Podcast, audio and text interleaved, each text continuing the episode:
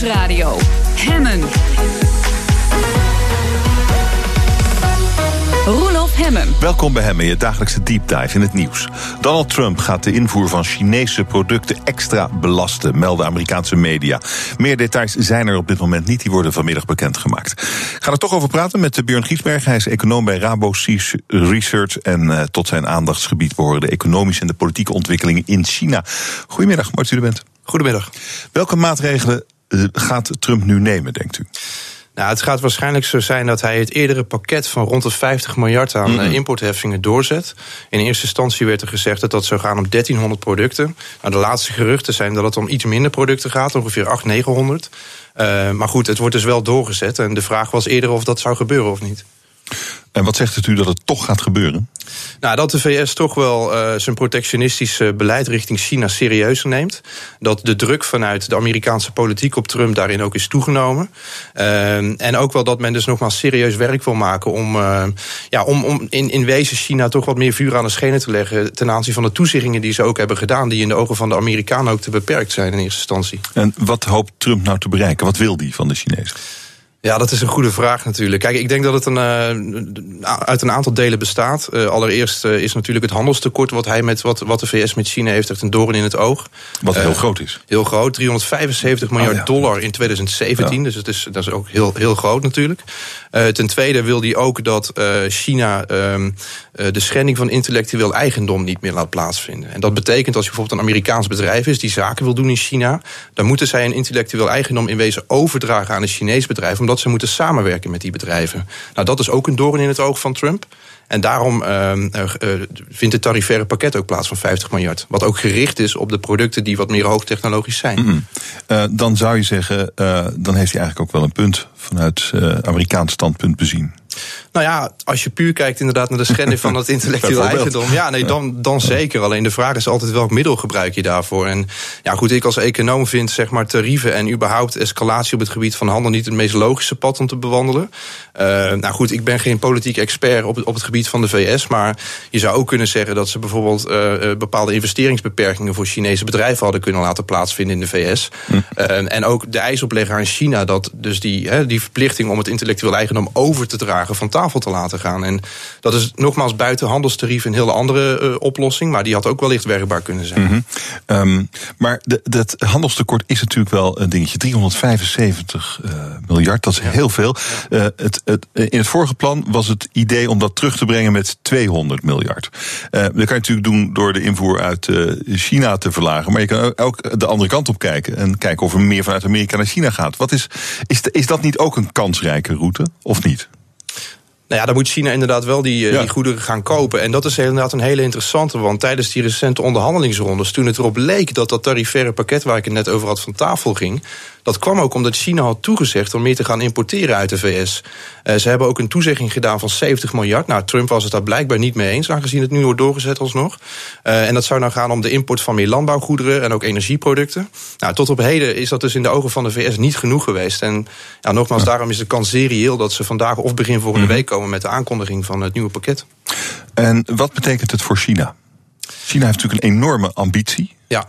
Uh, en dit past daar niet in. Dit doorkruist die ambitie wel een beetje. Ja, zeker. Als we het even tweeledig bekijken ook weer. Nou, wat betekent het op korte termijn? Uh, zorgt het natuurlijk gewoon voor hogere uh, importprijzen. En hoog, ook, ook, ja, je zou kunnen zeggen verlies van marktaandeel voor Chinese exporteurs. Mm. Als China terugslaat, daar wilde ik eigenlijk even heen. Dan zorgt dat voor hogere importprijzen. Mm. Verlies van koopkracht voor de Chinese consument als dat niet zo gedaan wordt. hogere importprijzen voor bedrijven. Maar ja, China heeft daar onderliggend ook nog een ander doel. En dat is het, onder het mom van het zogenoemde programma Made in China 2025. Daarin willen ze marktleider worden, uh, globale marktleider. op het gebied van een aantal hoogtechnologische sectoren. En het pakket nogmaals van de VS richting China is erop gericht om dat eigenlijk te bemoeilijken, zou je kunnen mm -hmm. zeggen. Dus dat is inderdaad wel iets wat China niet heel prettig zal vinden. Ja, maar het te bemoeilijken, het te voorkomen. Het wordt nu eigenlijk wordt het intellectueel eigendom nu gewoon afgedwongen van iedereen die in China zaken wil doen. Ja. En dat de Amerikanen nou zeggen, nou vinden we eigenlijk niet zo'n goed idee. Dat, Nou- daar is toch, dat is toch ook wel een beetje te begrijpen. Oh, zeker. En, en ja, los even van, van de VS. eh, het is ook zo dat Europa recentelijk een, eh, een, een, een casus Ja. bij de Wereldhandelsorganisatie heeft weggelegd. Waarin ze ook werk maken van het intellectueel eigendom. En wat Europa doet, is aan de ene kant zeggen: wij zijn niet voor handelssancties. Dus Europa is voor vrijhandel. Maar tegelijkertijd maken ze wel serieus werk van om ook dat, zeg maar, die ontvreemding van het intellectueel eigendom door China te kunnen beperken. Zo niet te, gewoon volledig van tafel te laten. Terwijl voor een deel de eh, Chinese ambities natuurlijk op, op, op dat model gestoeld zijn. Ja, ja goed. Ja. Zij, zij, zij moeten de economie transformeren van een, laten we zeggen, laagwaardige, eh, dus op, op relatief lage lonen gebaseerde economie, op basis van die concurrentiepositie naar wat meer hoogwaardig technologische ontwikkeling te gaan. Opklimmen in de waardeketen heet dat ook wel. Maar goed, daar zijn dus een aantal dingen voor nodig. En wat heel interessant is, is dat ze juist Amerikaanse producten nodig hebben om die stap te maken. Dus als je bijvoorbeeld kijkt naar een bedrijf als ZTE, dat is de tweede grootste telecomproducent in China, die hebben Amerikaanse inputs nodig voor de productie van hun goederen.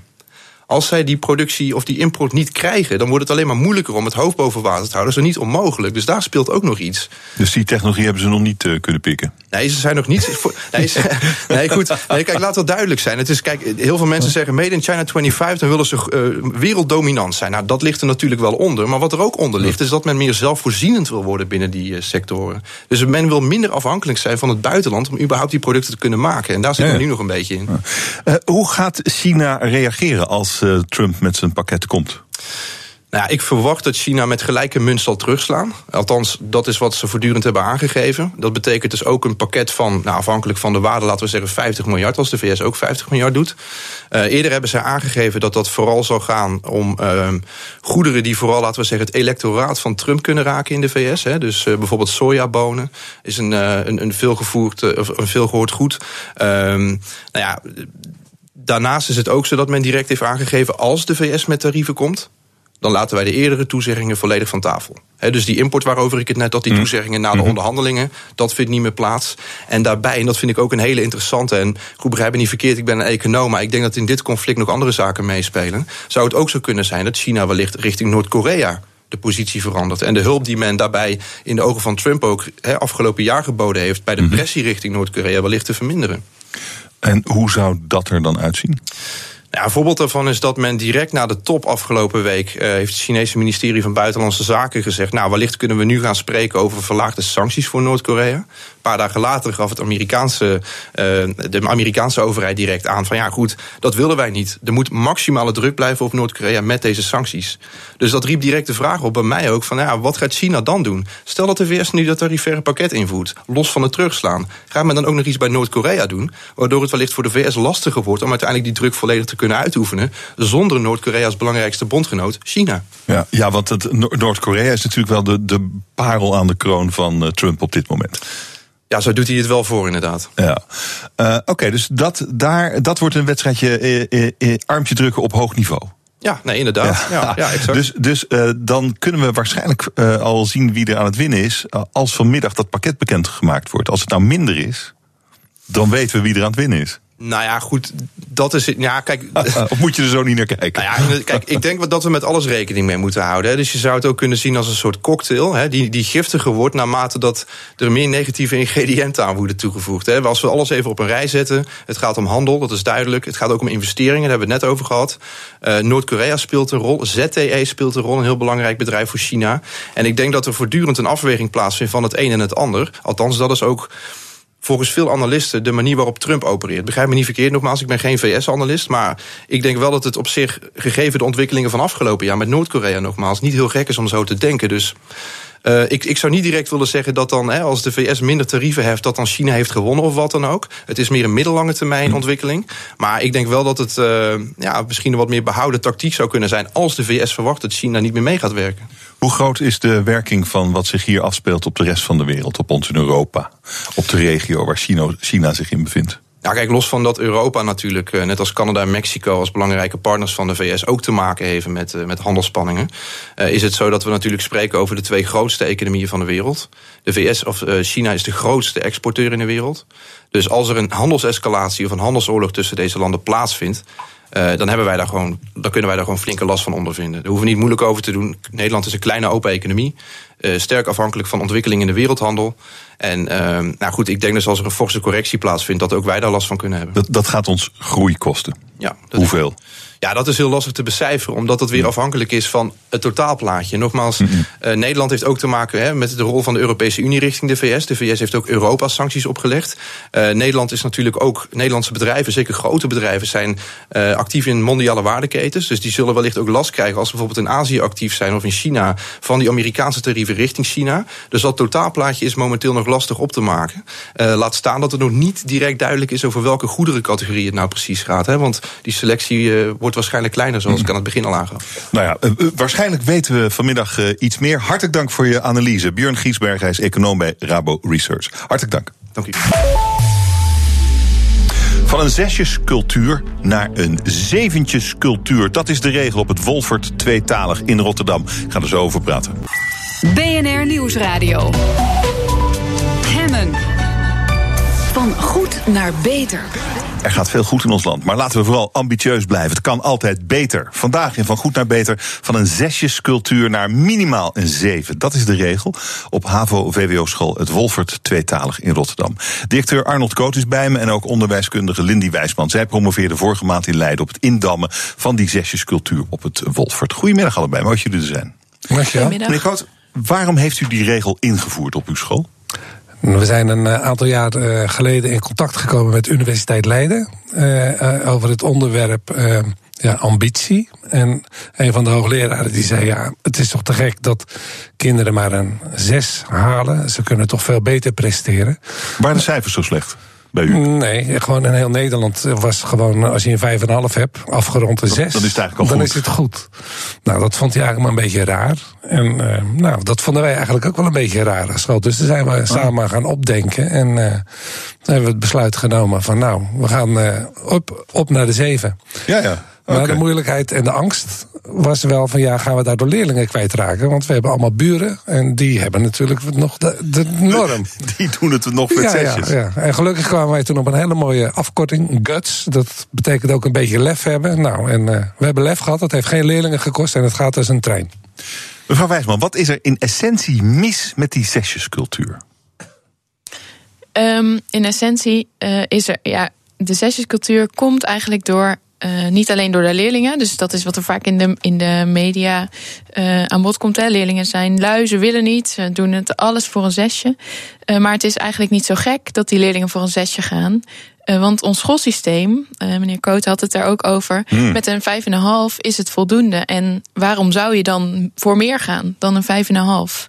En wat, dus, wat levert het op? Dat, dat, is, uh, dat is de zesjescultuur. Ja. Maar ik ben eigenlijk benieuwd naar wat, wat, wat het, het grotere gevolg daarvan is. Wat betekent het voor de kinderen die in zo'n zesjescultuur worden opgeleid? Wat betekent het voor hen als burgers, later in de maatschappij, ja. als werknemers, als, nou ja, als, als burger? Wat, wat, wat is het effect van die zesjescultuur? Als je verder kijkt? Ja, concreet betekent die zesjescultuur uh, dat als je altijd maar voor een zesje gaat, overal in elk uh, vak dat je leert op school, uh, dat je eigenlijk gewoon niet alles hebt geleerd wat er te leren valt.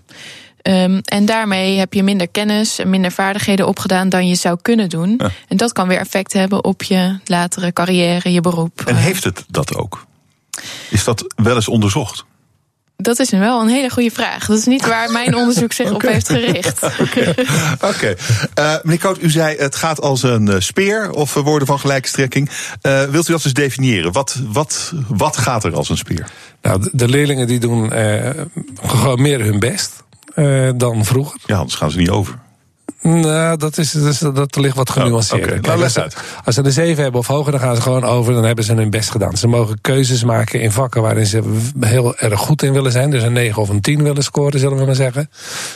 Maar um, ik blijf erbij dat. Um, ja, die kinderen die moeten. Um, nou, laten we even ja. kijken, meneer Koot, gewoon naar uh, uh, uh, het ge, ge, de gemiddelde cijfers voordat u uh, aan de nieuwe aanpak ja. begon en op dit moment. Dan kan je gewoon zien hoeveel beter ze zijn geworden. Ja, een stuk beter, maar dat heeft Lindy dus onderzocht. Oké. Okay. En die weet daar alles van. Nou, vertel, en, wat, wat is er, wat is er, wat, wat, hoe kun je zeggen dat het inderdaad een succes is? Um, we hebben eigenlijk gekeken naar de prestaties, maar ook naar de motivatie van de leerlingen. In dit Voor en na. Ehm, ja, nou ja, we hebben deze groep leerlingen drie jaar gevolgd. Uh, dus we hebben als onderzoekers drie jaar in de school rondgelopen. Mm -hmm. Daarbij hebben we gekeken naar wat, hoe zien de gemiddelde rapportcijfers van, de, van deze leerlingen eruit.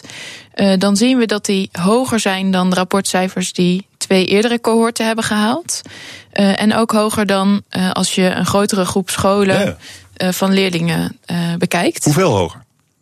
Gemiddeld is het 0,2, dus twee tiende Oh. uh, hoger. Oh, dat is niet zoveel. Nou ja, op een cijfer van een, een 6 of een 7 is dat eigenlijk best veel.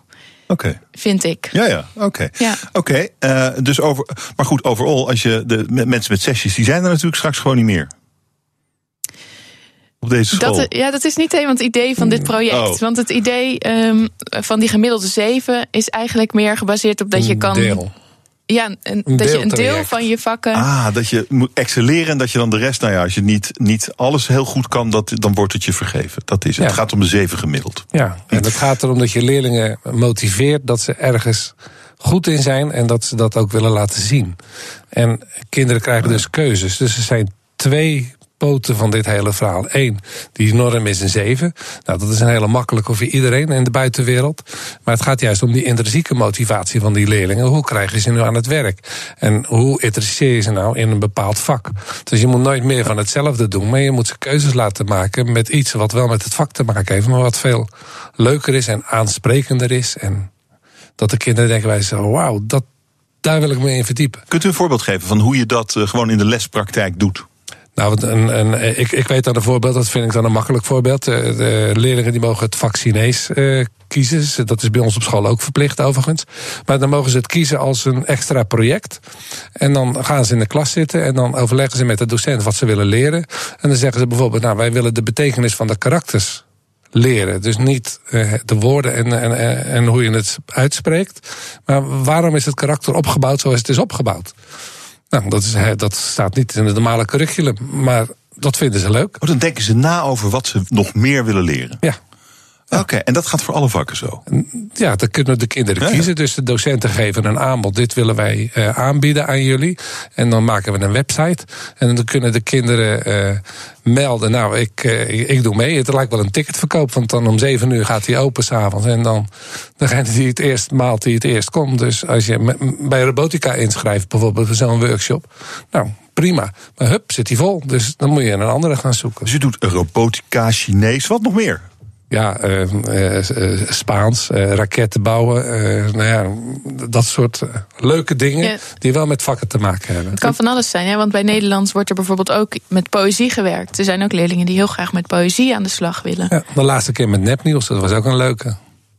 Oké, okay. dus, uh, dus de, de kinderen hebben een grote stem in wat ze gaan leren. En doordat dat zo is, gaan ze doen wat ze leuk vinden. En daardoor haal je hoge cijfers. En, zo, ja. en dan ben je bij die intrinsieke motivatie waar u over sprak. Precies. Oké. Okay.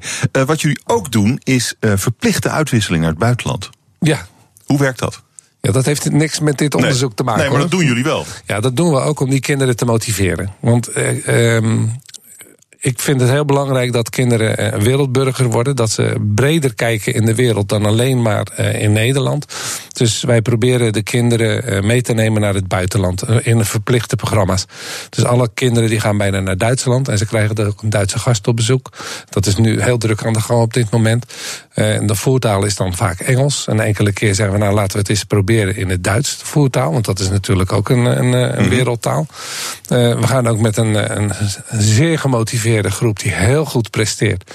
Die mogen ook mee naar China. Dus dan gaan we met 40 kinderen naar Shanghai. En dan komen er dus 40 kinderen uit China weer bij ons op bezoek. En dat mag je alleen doen als je heel erg goed bent. Nou, moeten ze in ieder geval hoger dan een 7 scoren, gemiddeld. Uh -huh. En dan moeten ze een motivatiebrief schrijven. En dan uh, kijken wij of ze netjes altijd op tijd zijn. En dan kijken wij of ze ja, goede, gemotiveerde leerlingen. En dan die mogen dan mee. Ja. Uh, ik, ik vind, uh, mevrouw Wijsman, die, uh, waar we het nu eigenlijk de hele tijd over hebben, dat gaat eigenlijk helemaal niet over cijfers. Het gaat gewoon over onderwijs geven dat kinderen graag willen hebben. Juist. Zodat ze hun best doen en dat ze beter worden. waar we het gesprek mee begonnen, is de weg van die zesjescultuur naar de gemiddelde zeven. er is natuurlijk heel veel kritiek mogelijk op een cijfer als weergave van wat een kind kan en weet. Ehm, ja. Is dat ondervangen in dit systeem, waarbij toch aan het eind van de dag het kind wordt beoordeeld op het cijfer? Uh, die, ja, die cijfers zijn in ons schoolsysteem gewoon hele belangrijke ja. maten. Er, er wordt mee gewerkt en uh, leerlingen vragen ook om cijfers.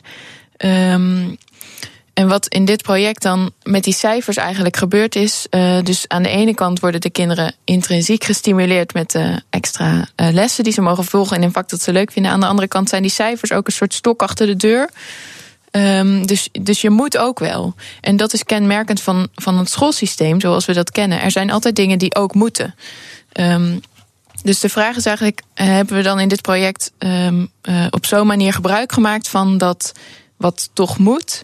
uh, dat het ook kan bijdragen aan uh, hogere prestaties, meer motivatie. En wat is en, uw eindoordeel daarover? U nou, heeft er drie jaar naar zitten ja, kijken. Ik heb er drie jaar naar gekeken. We hebben drie maar, jaar naar is dit gevolgd. goed? Is dit, is dit uh, wat je moet doen om, om, om kinderen beter uh, onderwijs te geven? Um, wat, we, ja, wat we zien in dit project is dus hogere prestaties en hogere motivatie bij de leerlingen. Uh, tegelijk nog steeds een dalende trend. Dat is eigenlijk de aanleiding voor dit onderzoek geweest. Dus dalende trend in? In prestaties en motivatie. Oh, nog steeds? Ja, van leerjaar 1, 2, 3. Dus, het is, ja. dus ze scoren wel hoger. En ze blijven, de hele benchmark blijft hoger scoren.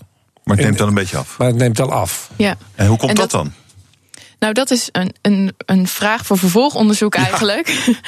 Ja. um, en uh, dat geeft ook aan dat dit project um, uh, werkt om prestaties en motivatie omhoog te krijgen. Maar dat het niet de oplossing is als we willen dat de prestaties en motivatie van leerlingen op eenzelfde niveau blijven gedurende hun middelbare schoolperiode. Nou, ik ben heel benieuwd naar de uitkomsten van dat onderzoek. Als het zover is, ja. kom er weer over vertellen. Hartelijk dank ja. voor dit gesprek. Directeur Arnold Koot van het Wolfert Tweetalig in Rotterdam... en onderwijskundige Lindy Wijsman van de Universiteit in Leiden. Dank jullie zeer.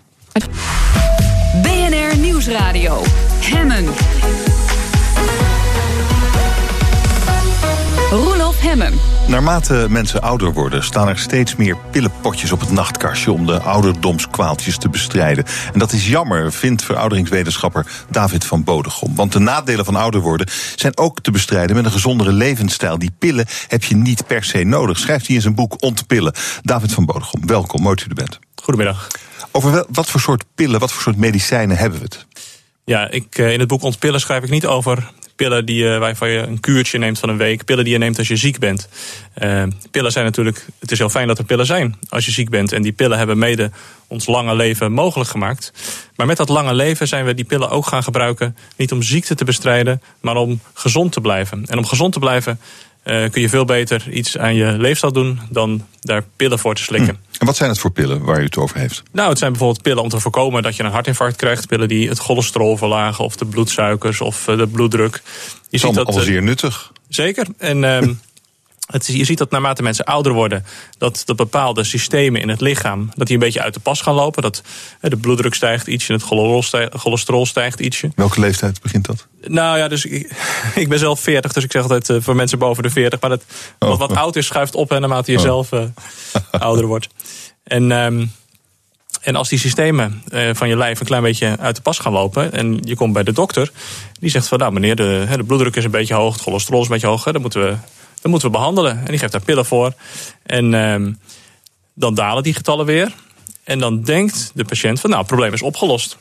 Uh, maar het probleem is eigenlijk niet opgelost. En dat is ook de reden dat je die pillen de rest van je leven moet blijven slikken. Iedere dag. En maar wacht even, die pillen lossen toch het probleem op omdat je ze slikt? Nou, ze brengen de getallen weer op orde. Maar het, het onderliggende probleem is eigenlijk dat ja, wij hele dagen op kantoor zitten, acht uur, dat we te weinig bewegen, uh, dat de helft van Nederland overgewicht heeft en dat we ongezond eten. En dat leidt ertoe dat mensen, dat we een miljoen mensen met suikerziekte hebben. En dat er zoveel mensen zijn die last hebben van een hoog cholesterol mm -mm. en een hoge bloeddruk. En die pillen brengen dat wel op orde, die getalletjes. Maar die, die, die leefstijl, die blijft, mensen blijven de hele dag op kantoor zitten. En mensen overschatten vaak het effect, het gezondheidseffect van die pillen en onderschatten het gezondheidseffect van, uh, van, van een wandeling van een half uur. En men, terwijl het voordeel van een gezonde leefstijl is veel maar, vele malen groter dan uh, trouw slikken van je pillen. Kan je dan uh, bijvoorbeeld je hartproblemen onder controle krijgen met een wandeling en een gezondere leefstijl? Niet iedereen kan met een gezonde leefstijl al zijn problemen oplossen. Maar ehm, uh, ja, dus sowieso, ik geef geen individueel medisch advies aan mensen. Ik zeg niet dat iedereen moet stoppen met zijn hmm. pillen. Uh, de huisarts kan je daar voor jou het beste de afwegingen maken. Dat Die echt huisarts is de man of de vrouw die die pillen heeft voorgeschreven vaak. Ja, ja klopt. Ehm, als je kijkt naar de richtlijnen van de huisarts, dan staat er in, in bijna al die richtlijnen, als het nou, of het nou gaat over de richtlijn voor de diabeteszorg of voor de eh cardiovasculair risicomanagement, dus voor hart- en vaatziekten of voor botontkalking, of er staat altijd als eerste leefstijladvies. En in tweede instantie pillen. Maar ehm, wij zijn als dokters zijn wij heel goed in het repareren van dingen, van dingen die in het lichaam die kapot zijn, van het bestrijden van ziekten. Maar ik denk dat we ja, eerlijk moeten zijn dat we eigenlijk nog helemaal niet zo goed zijn in het gezond houden van mensen en in het duurzaam eh, aanmeten van een gezonde leefstijl. En dat leefstijladvies, ja, dat werkt meestal niet. Dat zit hem denk ik in het, in het woordje advies. Advies gaat ervan uit dat, ja, dat iemand iets niet weet en als je hem dat vertelt, dat het dan opgelost is. Ze zeggen, nou, u, u moet eigenlijk wat meer bewegen en wat een beetje afvallen. Eh, maar advies is daarvoor niet genoeg. Dat hebben we nu wel geleerd. Je moet dan iemand intensief coachen en begeleiden en daar echt, echt werk van maken.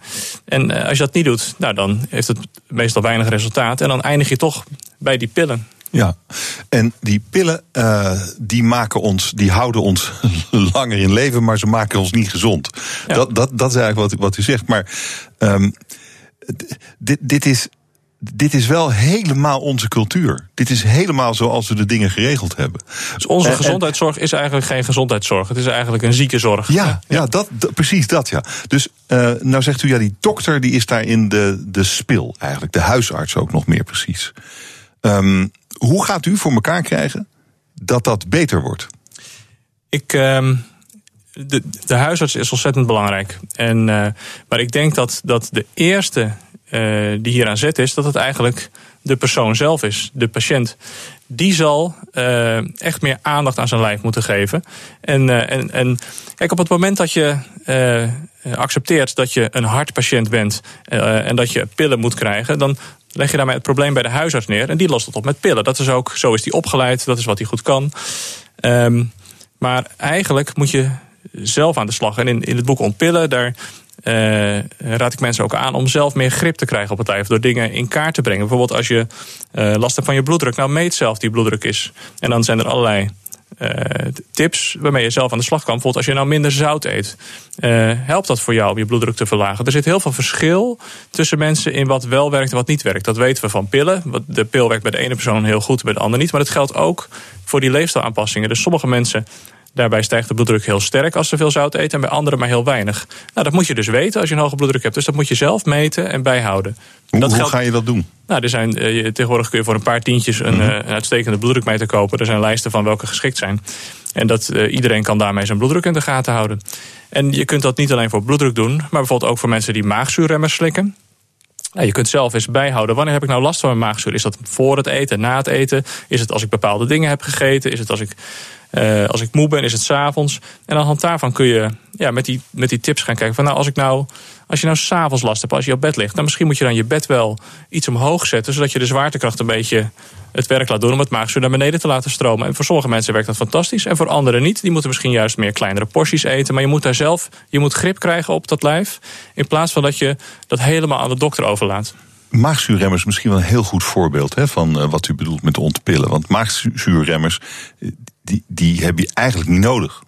Sterker nog, dat maagzuur heb je nodig. Je kunt je afvragen waarom er miljoenen mensen zijn die iedere dag Ja. maagzuurremmers Maar slikken. waarom is dat, denk? Is onze maag dan zo slecht ontworpen dat we daar zoveel last van hebben? Nou, ehm, vrouwen die eh, ooit zwanger zijn geweest, die, eh, die herkennen dit verhaal allemaal. Zeggen ja, nee, toen ik zwaar was, toen had ik inderdaad last van maagzuur. Zeg. En eh, toen ik zo'n, zeker aan, aan het eind, toen ik zo'n dikke buik had. En eh, dat kun je ook begrijpen, dat is gewoon mechanisch. Als die buikholte helemaal vol zit, in dit geval met een kind, dan, dan geeft dat druk omhoog. En dan, dan, dan wordt het maagzuur uit de maag in de slokdarm gestuwd. En dat geeft die vervelende klacht van, van zuurbranden. Nou, je kunt dat bestrijden door pillen te slikken. Dan rem je dat maagzuur. En dat werkt fantastisch. Maar dat maagzuur zit daar niet voor niks. Dat maagzuur heeft een heel belangrijke functie om je te beschermen tegen bacteriën die je met je voeding binnenkrijgt. En mensen die maagzuurremmers slikken, die hebben dus meer last van maag-darminfecties bijvoorbeeld. Ehm, en al die vrouwen die last hadden tijdens hun zwangerschap, bij bijna allemaal is dat nadat zij bevallen waren van hun kind weer voorbij. En dat geldt dus ook voor mensen met overgewicht. Die hebben heel vaak mensen die last van maagzuur hebben overgewicht. En als die een paar kilo afvallen, dan hebben ze vaak al heel veel verlichting. Dat komt ook omdat dan je kleren iets minder strak gaan zitten. Mensen met, met een beetje een buikje, die hebben wel eens de neiging om de broek dan helemaal omhoog te trekken en de riem een gaatje strakker te doen, omdat het er dan wat, wat strakker uitziet. Camouflage. Maar dat heeft juist een, een heel negatief effect, omdat je daarmee dus juist de druk in die buikholte zo vergroot. En uh, dat is ook iets wat, wat ik wil benadrukken. Dat je hoeft geen atleet te worden. Je hoeft niet 20 kilo af te vallen en drie keer in de week naar de sportschool of, of een heel streng dieet te volgen. Vaak zie je dat als je kleine dingetjes verandert, dingetjes die je iedere dag doet, die gewoon in je dagelijkse routine zitten, dat je daar al heel veel gezondheidswinst mee kan halen. En dan kun je met veel minder pillen toe. En dat is wat ik eigenlijk in ontpillen probeer te betogen. Zometeen praten we door over ons doorgeslagen pillengebruik. En ik vraag me af, waarom gaat de dokter daar zo makkelijk in mee?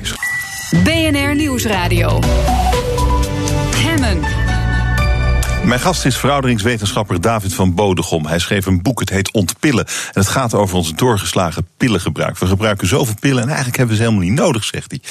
Uh, maar we krijgen ze toch, meneer van Bodegom, van de dokter. En de dokter ziet dus, stel je voor, de dokter ziet een hele dikke man met maagzuurproblemen... en die geeft hem maagzuurremmers in plaats van het advies af te vallen... en te gaan te sporten en dat soort dingen. Want dat is wat u voorstaat. Dus wat moet er nu gebeuren om die artsen zover te krijgen... dat ze dat toch goed doen, zoals u het wilt? Uh, iedere dokter zal zeker het advies geven om af te vallen. Maar ik denk dat het advies dat is onvoldoende. Stelden iemand, we net vast. Dat ja, komt niet iemand, door. iemand moet echt begeleid worden. Het goede nieuws is dat uh, in de nieuwe basisverzekering komt een leefstijlcoach. En dan kan de huisarts dus verwijzen naar iemand die wel uh, geschoold is om dit soort gesprekken te voeren, om mensen hierin te begeleiden. Dus ik, ik heb goede hoop dat er een beweging de goede kant op komt. Maar hoe ziet die begeleiding eruit? Wat is er nodig en wat is er mogelijk straks? Ik denk dat als je uh, mensen echt een gezondere leefstijl wil aanmeten. We weten allemaal hoe moeilijk dat is. En uh, je, zult daar echt uh, heel veel tijd en energie in moeten steken. In, in, in, in intensieve coaching. En, en soms ook bijvoorbeeld in, in, in groepsverband. Waar we mensen elkaar ook kunnen helpen. Maar Waar het om gaat is dat, neem bijvoorbeeld het voorbeeld van diabetes, suikerziekte. We hebben in Nederland een biljoen mensen met suikerziekte. 90% ervan is ouderdomssuiker. En ouderdomssuiker, dat is eigenlijk helemaal geen ouderdomssuiker, dat is eigenlijk leefstijlsuiker. He, dat is, je, bent, je hebt suikerziekte gekregen omdat je te weinig bewogen hebt, omdat je ongezond gegeten hebt, overgewicht hebt. Eigen schuld eigenlijk. Nou ja, dat, dat kun je zeggen. Ik vind dat altijd wat onaardig klinken. Ja. wij leven in een, in, een, in een omgeving waarin we eigenlijk heel weinig beweging nog hebben. Mensen zitten werken heel dag op kantoren. En een omgeving waar heel veel aanbod is van heel suikerrijke en heel calorierijke producten. Dus je kunt dat mensen zelf niet kwalijk nemen. Het is heel moeilijk om in deze omgeving uh, slank te blijven. Ik heb zelf heel lang onderzoek gedaan in Afrika naar hoe mensen daar verouderen. Nou, daar zijn mensen, uh, ook als ze 70, 80 zijn, nog heel fit. Zij werken iedere dag op het land en eten alleen wat ze in hun eigen moestuin verbouwen. We hebben ook daar uh, mensen uitgebreid onderzocht, hartfilmpjes gemaakt, bloedsuikers gemeten. Suikerziekte komt daar niet voor. Um, het is een leefstijlziekte. En, en dat, we hebben die omgeving hier met z'n allen gemaakt. We zullen die met z'n allen ook moeten afbreken. Dus die kantoren, daar moeten de stoelen uit. En uh, dus we moeten, op school moeten we kinderen al andere dingen aan gaan leren. He, dat, het idee van je moet uh, stilzitten achter je bureautje heel de dag. Dat, dat, dat is iets wat we al van jongs af aan benadrukken. Als iemand bij, bij, de, bij de dokter komt en de dokter meet de bloedsuiker en die is afwijkend, dan zal hij eerst advies geven. En als dat onvoldoende effect heeft, zal hij overgaan op pillen. Daarmee maak je suikerziekte tot een chronische ziekte. Terwijl de laatste jaren zijn er heel veel onderzoeken die laten zien dat suikerziekte in de beginstadia, dus op het moment dat de huis dat voor het eerst vaststelt, dat kun je genezen. Je kunt als iemand echt anders gaat eten en meer gaat bewegen, dan kun je dat omkeren. En dan kunnen die bloedsuikers die kunnen weer normaal worden en kunnen nog soms tientallen jaren kunnen mensen zonder pillen uh, gewoon leven. Nou, nu dat uh, wetenschappelijk echt goed is gedocumenteerd, ja, zullen we dus iedereen die met beginnende diabetes bij de huisarts komt, in een intensief programma uh, moeten stoppen. En niet met alleen advies naar huis sturen. Dat is echt onvoldoende. Maar die leefstijlcoach die straks vergoed wordt, levert hij dat, zo'n intensief zal, programma? Dat zal nog moeten blijken. Dat is iets nieuws. Er zijn in alle regio's is daarmee geëxperimenteerd en daar zijn uh, goede ervaringen mee. Maar uh, we, zullen met we zullen allemaal, uh, niet alleen de dokters, maar ook werkgevers bijvoorbeeld, die, die gebaat zijn bij personeel wat tot, tot, tot 67 of langer uh, goed kan, uh, kan functioneren. Ja, zullen we daarop in moeten zetten. En je moet dus niet die mensen de hele dag acht uur achter een uh, bureau laten zitten. Want dan, dan zijn ze met 60, 65 lang niet zo fit als ze zouden kunnen zijn. Maar een dag is 24 uur. Als je acht uur achter een bureau gaat zitten, waar moet die werkgever dan zorgen dat je tussendoor beweegt? Dan kan je het er in die andere 16 uur zelf doen? In principe zegt uh, uh, de Nederlandse norm gezond bewegen dat je een half uur per dag oh. matig intensief moet bewegen. Dus je mag 23,5 uur op de bank zitten. en in het weekend mag je, de hele, mag je 24 uur op, op de bank hangen. Um, die eerste stapjes die geven vaak al heel veel gezondheidswinst. Ja. Dus je hoeft echt niet drie keer in de week naar de sportschool te gaan. Uh, maar je moet, in je, je moet eens goed kijken naar de dingen die je iedere dag doet. Die dagelijkse routine. Uh, je gaat iedere dag van je huis naar je werk of naar school. Of, of, en, en, en daar heb je iedere dag ook je routine. Wat doe je met de lunch? Wat eet je daar? Dat is al. Mensen kiezen niet iedere dag uh, hoe ga ik vandaag naar mijn werk, wat zal ik vandaag eens op mijn boterham doen. Dat zijn allemaal routines. Ook wat mensen op hun brood eten. Ik weet van al mijn collega's weet ik al wat ze iedere middag op hun brood smeren. Ook wat mensen s'avonds eten. Dat is een routine. Dat zijn 15 gerechten die steeds roleren. En als je in die routine iets kan veranderen, dan kun je met kleine dingen veel bereiken. Hartelijk dank voor dit gesprek. En veel succes met uw missie. Dank David van Bodegom. Hij schreef het boek Om te pillen. Hartelijk dank. Belangrijke zaken. Begin deze maand verscheen het boek De Wandelende Fijnproever van de grande dame van het wildplukken in Nederland, Ria Lohuizen. Het ultieme wildplukhandboek van eh, onze planten, onze vruchten, onze noten, onze paddenstoelen uit de Nederlandse natuur. natuur. Ria Lohuizen, welkom, mooi dat u er bent. Goedemorgen. Met een boek Middag. en een mand. Uh, zit u, bent u wezen plukken vandaag? Nee, vandaag had ik geen oh. tijd omdat ik helemaal hier naartoe moest hier rijden, ja. vanuit het hoge noorden. ja. Uh, uh, het is een, uh, een heel kloek boek. het staat vol met tips en tricks over wildplukken. En wat opvalt is dat u in dat boek ook uitlegt dat lang niet iedereen daar even blij mee is. Nee, dat klopt. Vooral de overheid niet. Hè. Nederland blijft een mag-niet-land. En ik merk het ook aan, trouwens, als ik uh, paddenstoelen aan het plukken ben, aan uh, eventueel mensen die ik tegenkom in het bos, die beginnen van verre al te roepen: mag niet, af, afblijven. Dat is nou eenmaal zo. Dat hoort niet meer bij onze cultuur. En uh, ja, wat de overheid zegt is, als iedereen het ging doen, dat, dat vind ik de ultieme dooddoener. Want het is natuurlijk lang niet dat iedereen dat gaat doen. Het mag niet, maar u doet het wel en u doet het al ja. heel lang. En um, heel lang, u ja. vindt ook heel veel de natuur. Wat, uh, wat, is, uh, wat, wat vindt u allemaal? Wat kun je allemaal meenemen naar huis en opeten? Te veel om op te noemen. Daarom heb ik zo'n dik boek geschreven. Ja, ja, nou, in dat zal het zijn. Wat zijn de, wat zijn de dingen waar je je als leek ook geen bult aan kunt vallen? Als je door het bos loopt, wat kan je rustig mee naar huis nemen? Ja, in een bos, kijk, is weer anders natuurlijk. Op het moment is het voorjaar, dus er zijn heel veel planten en bloemen die je kunt plukken en mee naar huis nemen en eten. Uh, in elk seizoen is het weer anders. In het najaar heb je de paddenstoelen. Daar moet je inderdaad voor in het bos zijn, uh, voornamelijk. Uh, er is ongelooflijk veel. Er hangt van alles aan bessen en noten in de bomen en struiken. En, zodra je erin gaat verdiepen, realiseer je hoeveel er eigenlijk is. En het zijn allemaal stuk voor stuk producten die je niet bij Albert Heijn kunt krijgen. He, ze zijn onbespoten. Het is de groenste manier van eten natuurlijk ook. Natuur is één grote supermarkt eigenlijk, als je maar ja, weet waar absoluut. je moet kijken. Ja, dat is echt zo. Anders zou dit boek niet zo dik zijn geworden. Mm -hmm. ja. Um, waarom bent u dit gaan doen? Ja, u bent er ooit uh, mee begonnen natuurlijk. Uh, je gaat dingen doen uh, per toeval vaak. Hè. Ik kwam iemand tegen die een paddenstoelenfreak was. En uh, tot voorheen had ik nog nooit. Ja, ik had zo'n zo'n zo bleekscheterig champignonnetje uit een bakje had ik wel eens gegeten. Maar ik wist eigenlijk helemaal niet van het bestaan van lekkere wilde paddenstoelen. Dus daar ging om te beginnen een wereld voor mij open. Ik ben met hem meegelopen op een pluktocht en toen was ik verkocht. Zo is het bij mij begonnen. En als je paddenstoelen aan het plukken bent, dan kom je vanzelf andere dingen tegen. Uh, bosbessen, walnoten, kastanjes, wat dan ook allemaal. En zo is het een beetje gaan rollen. Letterlijk bijna. Maar is dat, is dat nou. Uh, ik, ik, ik, zit me af te vragen, natuur. We hebben, hebben we nog natuur in Nederland? Dat is natuurlijk vraag één. Nou, oké, okay, er is groen. Meer dan genoeg. In het groen staat eetbaar, uh, van alles ja. eetbaar. Ja. Um, als je, uh, je kunt er een hele maaltijd mee maken. Absoluut. Met een kunt toetje u, en al. Kunt u eens een maaltijd beschrijven die, die u meeneemt als u een stukje bent wezen wandelen? Ja, heel vaak zijn het salades natuurlijk. En als je wat bessen hebt en noten, dan kun je ook een toetje maken. Uh, met een doosje eieren kun je al heel veel. Fritata's, uh, noem maar op, dat soort dingen. Pas, door de pasta kun je van alles, allerlei lekkere planten. Zelfs paardenbloemen, die kent iedereen. Die hoef je niet uit te leggen. Wat is een paardenbloem? Dat kent iedereen. Wat eet je van een paardenbloem? De bloem. Alles. Je kan er alles van eten. Ook de wortel. Ja. Is het uh, om zo te eten, is dat goed voor je? Ja, absoluut. Zou ik denken. Ja. Absoluut. Maar je kan ook verschrikkelijk de mist ingaan. Met paddenstoelen zeker. Dat is zeker. En met bessen ook. Er zijn, uh, mensen vallen altijd. Ja, zijn doodsbang voor paddenstoelen. Ja. Maar er zijn uh, dodelijk giftige bessen natuurlijk ook. Natuurlijk moet je, moet je je er een beetje in verdiepen als je. Uh, als die passie overslaat, als je denkt: God, dat lijkt me leuk op, op een wandeling eens wat mee naar huis te nemen. Dan moet je er een beetje in verdiepen. Je moet veldgidsen aanschaffen, je moet, je, je moet erover lezen.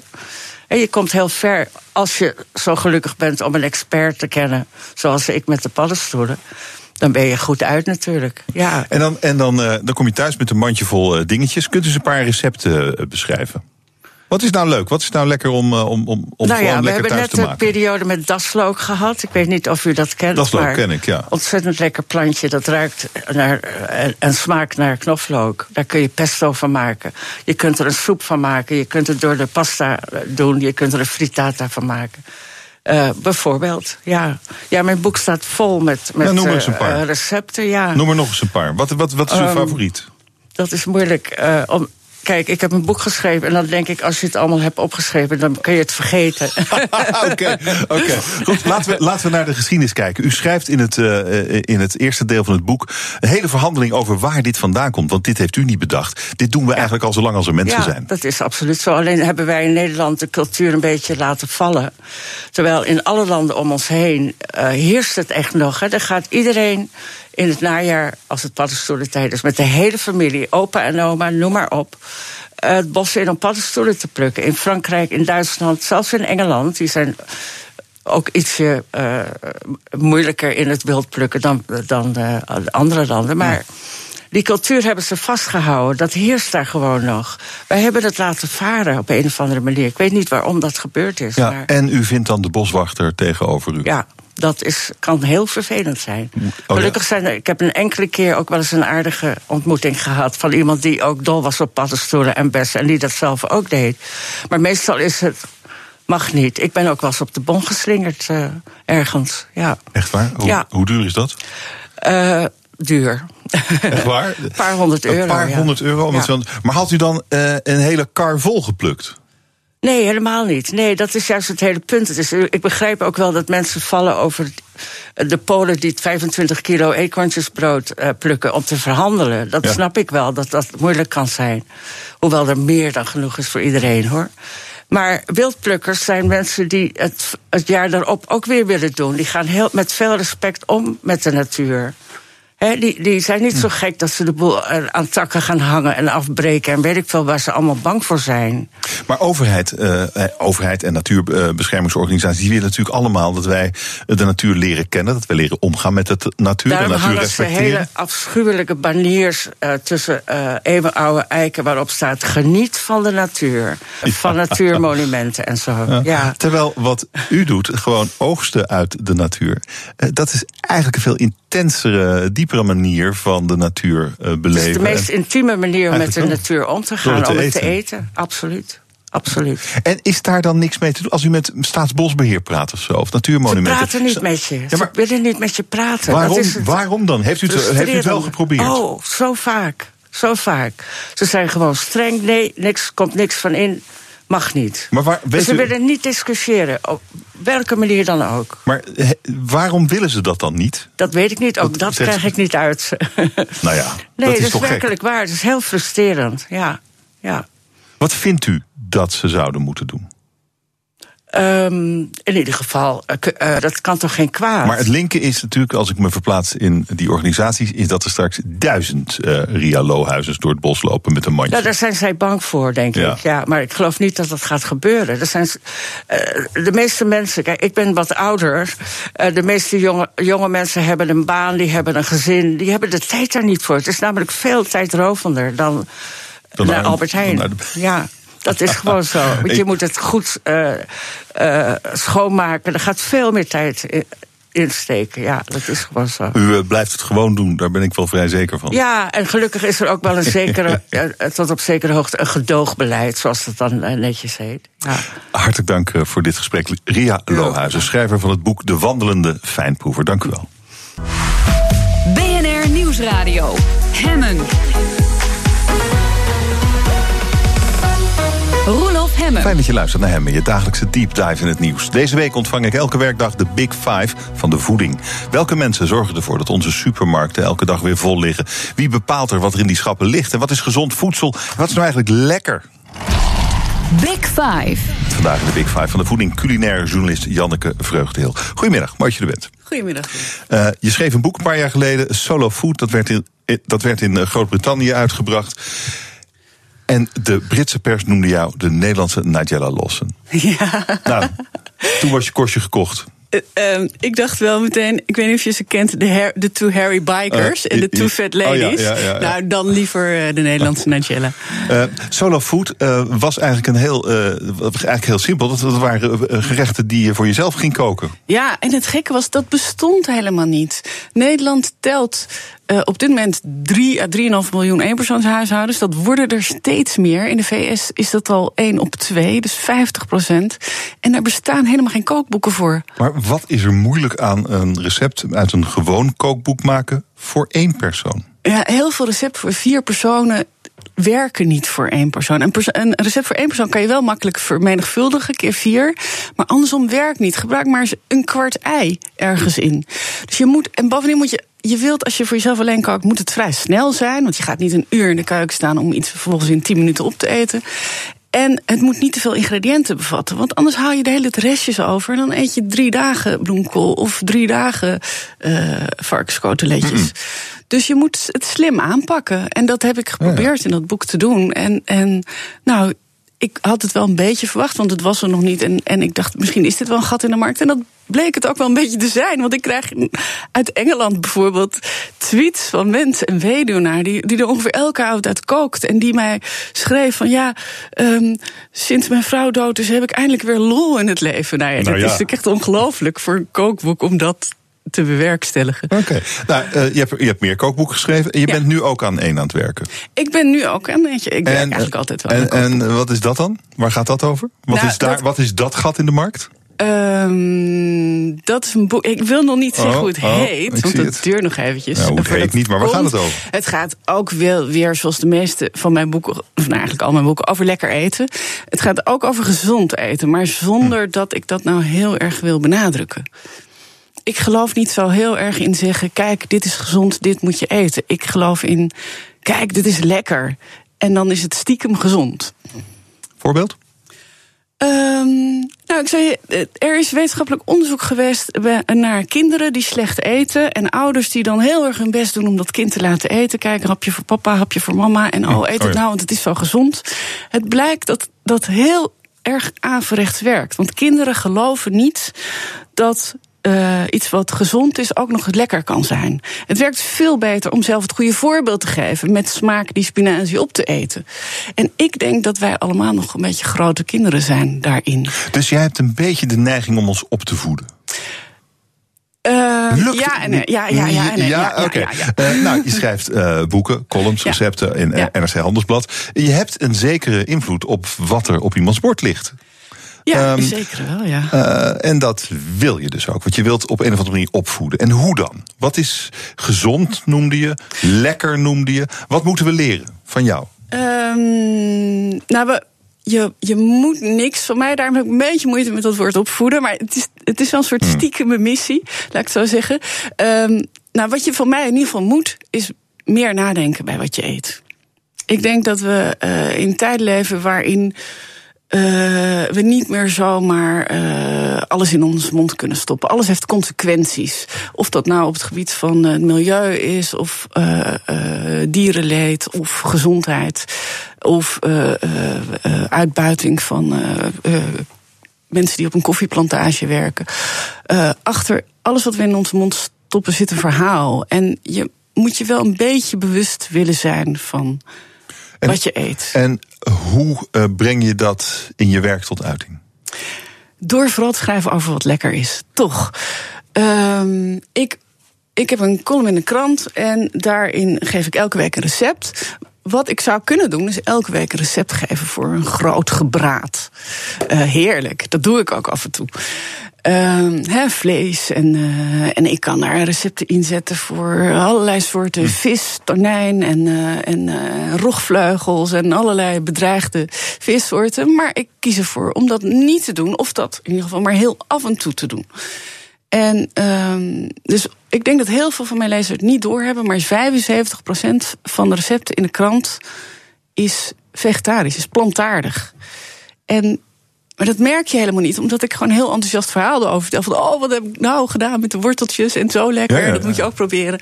En ik hoop dat mensen daardoor gaan doen. En niet omdat ik zeg, dit moet je echt eten, want Mhm. dit is gezond. Maar eh, eh, lekkere dingen die dan per ongeluk stiekem ook nog gezond zijn. En eh, maakt het wat uit? Heeft het effect? Ja, dat is een heel verhaal. Ik heb geluisterd naar je van de week, naar jouw gesprek met professor Katan. Eh, die volgens mij ook toegeeft dat we nog helemaal niet zo heel veel weten over wat er gezond is. Ehm, het is in die zin niet aan mij om, om daar nou hele grote uitspraken over te doen. Ik geloof zeker dat bijvoorbeeld het eten van groenten gezond is, want gezonder dan heel veel andere dingen die je eet. Hoe meer groente je eet, hoe minder ruimte er overblijft in je dieet voor eh, nou ja, eh, koekjes en chips en dergelijke.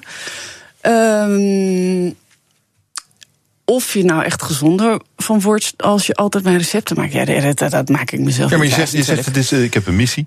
eh, en, ik, eh, en 75% is eigenlijk stiekem vegetarisch. Want beter, vind jij dan? En, Nou, merk niet je wel- beter. Ik geloof, is- ik ben zelf een overtuigd omnivoor. Ik geloof niet in het niet eten van vlees. Ik denk dat we. ehm, Nee, nee, maar 75% vegetarisch. Dus een soort Ja. flexitariër ben je dan toch? Ja, ik ben flexitariër. Nou ja. Ja. Ja, flexitariër Dus gewoon dat- iemand die alles eet. Maar, maar hoe reageren mensen erop? Eh, net als die, die, die man uit Engeland die schreef: Ik heb weer een leven. Ik, er gaat geen weekend voorbij of er op zaterdagochtend staat dat in de krant. En op zaterdagavond zie ik al foto's van dat gerecht dat mensen dan hebben gekookt. Dat is heel grappig dan heb dat je ze er toch- zo snel mee aan de, aan, de, aan de slag gaan. Dan heb je toch impact? Dan gebeurt er toch wat? Dan Ja. luisteren mensen toch Ja, naar je? dat- Dus dan maakt het wel degelijk wat uit. Ja, het maakt Ja, nou ja, dat. Ja, dat maak ik. Ik hoop het wel dat het wat uitmaakt. Hm. Eh, en dat, dat gaat dan meteen ook over jouw verantwoordelijkheid als journalist, culinair journalist. Ja. Die, die voel je ook. Ja, nou, dat is een beetje in fases gegaan. Toen ik begon met schrijven over eten, toen had ik deze missie. Eh, toen werd er nog heel, dit is 15 jaar geleden of zo, was gezondheid nog helemaal geen item als het over eten of over culinaire schrijverij ging. Dan ging het alleen maar over hoe je zo lekker mogelijk een biefstukje kon bakken. Tegenwoordig heeft iedereen natuurlijk ook over die gezondheids- en die milieuconsequenties. Ehm, daarna is er een tijd geweest dat ik dacht. Ach, laat ook maar. Ik wil, ben, ik wil een onafhankelijk journalist zijn. Ik wil gewoon verslag doen van wat er gebeurt. Dus het is niet aan mij om hier standpunt in te nemen. Van je zou meer dit of je zou meer dat. En dat is weer een beetje omgeslagen toen ik eh, bevriend raakte met uh, culinair schrijver van de New York Times. Uh, Mark Bittman. Die ik zeer bewonder en die en hele goede opiniestukken schrijft, of schreef, hij is weg inmiddels bij de New York Times, schreef over voedsel en alle consequenties dat, die dat heeft op milieugebied, op gezondheidsgebied en dergelijke. En ook durfde stelling te nemen. Die, hij gaf toespraken over dat er een tax moest komen op frisdrank. Hij durfde zich uit te spreken over. Hij is later, toen hij bij de bij New York Times wegging, is hij gaan werken voor de Purple Carrot. Dat is een, een bedrijf dat veganistische maaltijden aan huis bezorgt. Is die oh. ook weer weg inmiddels? Maar ik bedoel, het is iemand die, die voor mijn gevoel zowel onafhankelijk journalist is als activist. En ik durf dat nu, ik durf nu ook weer wat meer stelling te nemen daarin. En ik denk ook, ik heb dat podium elke week. Ja, dan waarom zou ik er niet ook gewoon iets mee doen maar dat waar zit ik dan, achter sta? Ja, ja maar dat Ja. zit dan uh, eigenlijk vooral in uh, wat je je lezers voorschotelt. In, zit, ja, natuurlijk schrijf ik ook. Tuurlijk, ik schrijf ook wel eens. Ik schrijf eens in, de, in het kwartaal schrijf ik... God, we weten inmiddels allemaal dat we niet zoveel vlees moeten eten. Of ik schrijf, we moeten niet zoveel vlees eten met z'n allen. Elke keer op een andere toon. Maar ik wil niet een soort schooljuf worden die dat... Mijn lezers weten dat ook wel, hoor. Ik, le ik schrijf, denk ik, voor een redelijk... Uh, relatief goed opgeleid publiek. En ik ga er ook vanuit dat mensen dit wel weten. En dat je dit... Kijk, het probleem met al die focus op gezondheid is dat we bijna niet meer zouden kunnen genieten van eten. En dat is voor mij ook nog steeds heel belangrijk. Dat is, nou, dat is misschien nog wel een grotere missie. Of eigenlijk, ja, ik weet wel zeker, dat is een grotere missie. Zometeen praat ik door met Janneke Vreugdeel over hoe zij naar de industrie van ons voedsel kijkt. BNR Nieuwsradio. Mijn gast is culinair journalist Janneke Vreugdeel. We hebben het over eten. En uh, jouw zoektocht naar steeds weer uh, ander eten eigenlijk. En uh, laatst had je dat gevonden in de Poolse supermarkt. Ja. Om de hoek eigenlijk. Je hoeft niet zo ver weg. Echt om de hoek. Ik ben al niet zo lang geleden verhuisd. Dus nou ja, goed. Ik, had, ik was er nog niet eerder geweest. En de, van buiten zag je er niet uit. Gewoon zo'n heel, ik weet niet, beetje afstandse supermarkt. En van binnen bleek dat een soort paradijs van verse spullen te zijn. Prachtige tomaten, verse dillen. Uh, allemaal verse patisserie. Uh, worsten die er super lekker uitzagen, vers vlees. En ja, ook heel veel van die blikjes die je wel kent van uh, als je ooit Poolse uh, werklui in huis hebt gehad. Als die lunchen, dan gaan er allemaal blikjes open, die ik altijd super spannend vind. Uh, wat zit daar dan in? Er zit bijvoorbeeld gerookte sprot met roggen in of zoiets. Dus dat soort dingen heb ik ook gekocht. ik vind dat heel leuk om nieuwe dingen te ja. ontdekken.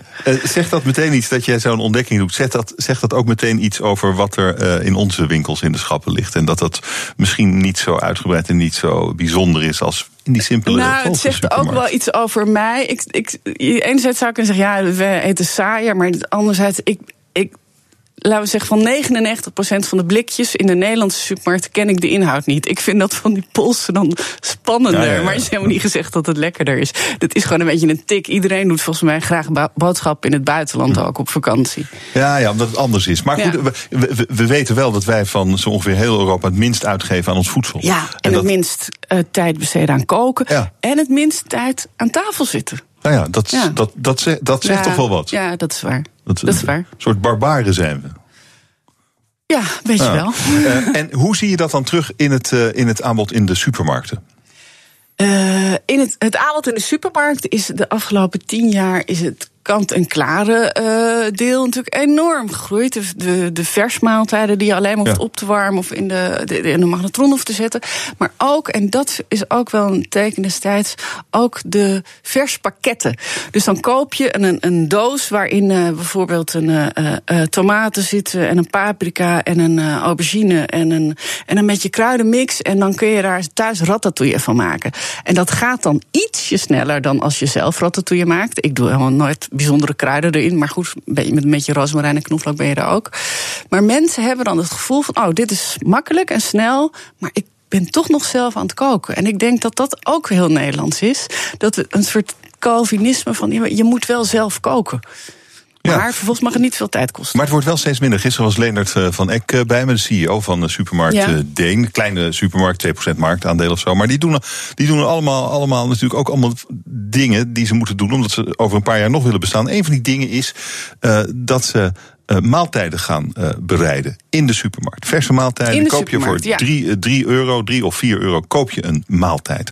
Nou, dat vond ik niet veel geld. Nee, en die neem je dan mee dat, en, en die kan je meteen eten als je thuis bent. Ja. Hoef je niks meer aan te doen. En hij zei dat is de, ja. ja. En hij zei dat is de toekomst. Ja, en dat misschien, geloof ik ook wel. En misschien gaan we ze ooit nog wel bezorgen. Ja. Ik had met hem ook over gezondheid, gezond voedsel, waar wij het net ook even over hadden.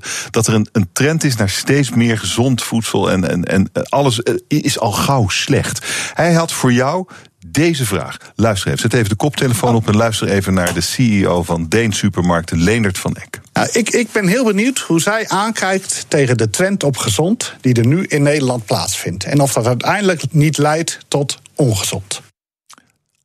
Ongezond. Door gezond te willen eten, ongezond worden. Ik begrijp wat, uh, wat hij bedoelt. Um, wat bedoelt u dan, denk er, je? Nou, er is tegenwoordig... Ik heb gisteren ook geluisterd. Uh, wat ik heel mooi vond, was dat hij zei... van ja, het is ook goed om af en toe een mars te eten. Zo zou ik het nou niet meteen uitdrukken... maar ik begrijp absoluut wat hij wil zeggen. Er is uh, een nieuw ziektebeeld zelfs ontstaan. Dat heet orthorexia. Vroeger uh, bestond al uh, anorexia. Orthorexia wil zeggen dat je zo extreem bezig bent met gezond eten... of wat je denkt dat gezond is... dat je voedingsstoffen tekort komt en dat het interfereert met je sociale leven. Dat je eigenlijk bijna de deur niet meer uitkomt omdat je alleen maar bezig bent met, met zo gezond mogelijk eten. Dat, ik, als hij het daarover heeft, dan begrijp ik zijn zorg tegelijkertijd denk ik dat dat zijn maar kleine aantallen mensen. Het is niet minder schrijnend als je het mankeert, maar het, is, het zijn maar kleine aantallen. Waar ik me meer zorgen over maak, is dat we door al deze aandacht voor gezonde voeding, elke dag in de krant, op social media, dat we niet meer durven te genieten van eten. En dat is ongezond voor je ehm, ja, voor je geest eigenlijk. Dus hij heeft hier gelijk. Je eet niet alleen met je buik, je eet ook met je hart. En uh, althans, dat vind Je ik eet belangrijk. ook met je hart. Ja, Even- of met je geest. even of met uitleggen, je, wat bedoel je Nou, hiermee? Eten is een, is een onderdeel van het leven waar je ongelooflijk veel plezier aan kunt Mm. beleven. Wat zorgt voor verbinding tussen mensen. Wat eh, eh, te maken heeft met culturele achtergronden, met gewoontes, met rituelen dat mag niet weggaan. Als je tegenwoordig kook is voor een groep mensen, nodig een groep vrienden uit, bijvoorbeeld acht.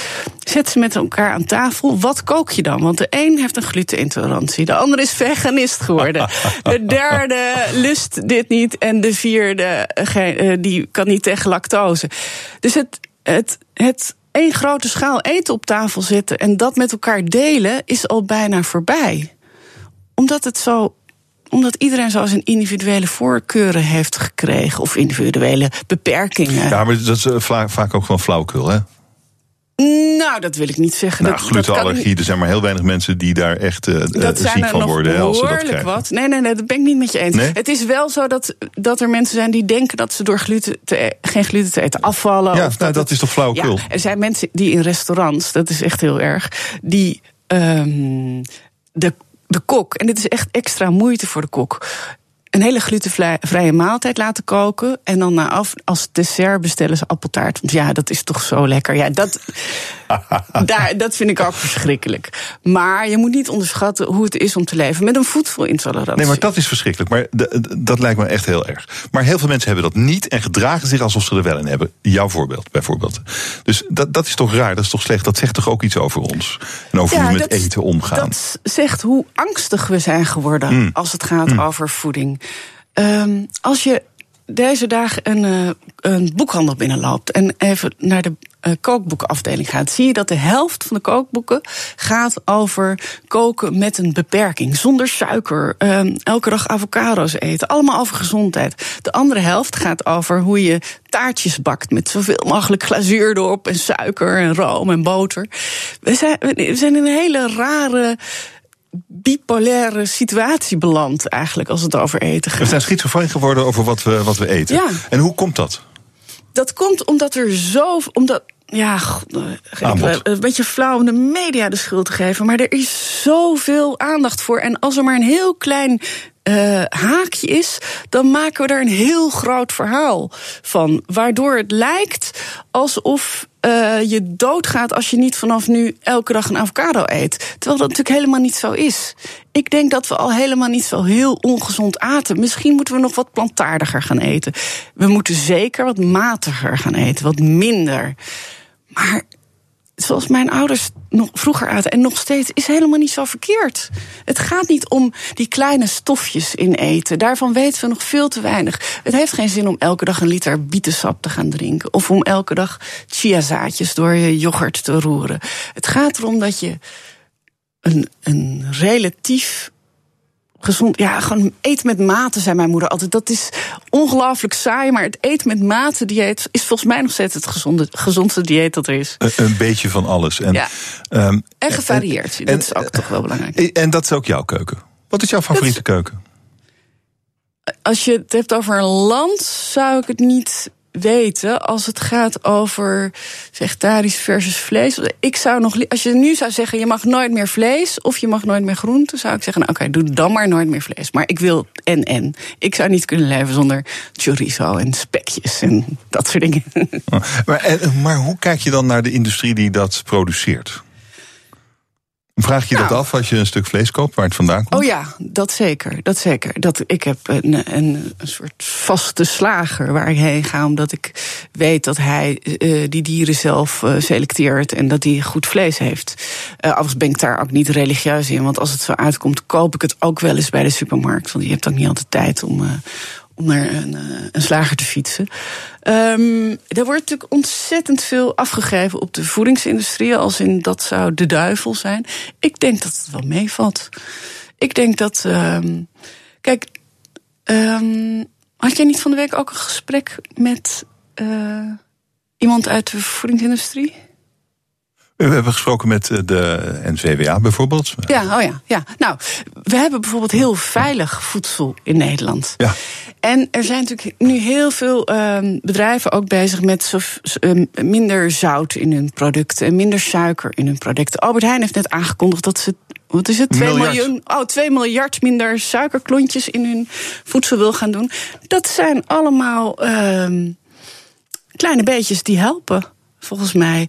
En natuurlijk, als je het allemaal aan de voedingsindustrie overlaat, dan is het alsof je de vos vraagt om op de kippen te passen. Die gaan het niet helemaal voor ons oplossen. Maar ik denk dat alles, alle beetjes helpen. En ik denk dat eh, de grote voedingsindustrie zich ook echt wel bewust is van het feit dat het, dat het anders moet, gezonder. Hm. Eh, nou, daar doen ze ook hun best voor. Ja. Denk ik. En eh, wat staat er vanavond eh, eh, in Huizenvreugde heel op de tafel? Oeh, dat weet ik niet. Ga ik zo meteen nog bedenken. Ik, Dat ik- weet je nog niet. Nee, ik het word- is bijna twee uur en je weet nog niet wat je vanavond op tafel Ik gaat ben altijd heel ad hoc. Ik ga het liefst einde van de dag pas denken van... oké, waar heb ik zin in? Dan ga ik dan boodschappen doen en iets lekkers maken. Maar het, het wordt ongetwijfeld lekker. Wanneer is je boek klaar? Je nieuwe boek? Dat wordt pas voorjaar, volgend jaar. Het wordt zo'n mooi boek dat ik er even voor nodig heb. Goed, pak je moment. Hartelijk dank voor dit gesprek. Culinair journalist eh, Janneke Vreugdeheel, dankjewel. BNR Nieuwsradio. Hemmen. Roelof Hemmen. Het aantal wethouders is flink gegroeid. In de nieuw gevormde colleges is het aantal wethouders gemiddeld met 10% toegenomen. Blijkt uit onderzoek van het AD. Ik bespreek het in De kantine. Met vandaag Thijs Wolters, buitenlandredacteur van de Telegraaf... en Martijn de Gever, presentator bij WNL. Welkom, mooi dat jullie er zijn. Goedemiddag. Goedemiddag. Eh, die wethouders. Ehm, het heeft te maken met de versplintering in het politieke landschap. Er zijn meer partijen eh, eh, in colleges, dus heb je meer wethouders nodig. Eh, maar het schijnt dat veel gemeenten ook eh, de, de, de toename van taken zo zwaar vinden dat ze ook daar nieuwe wethouders voor- voor willen hebben.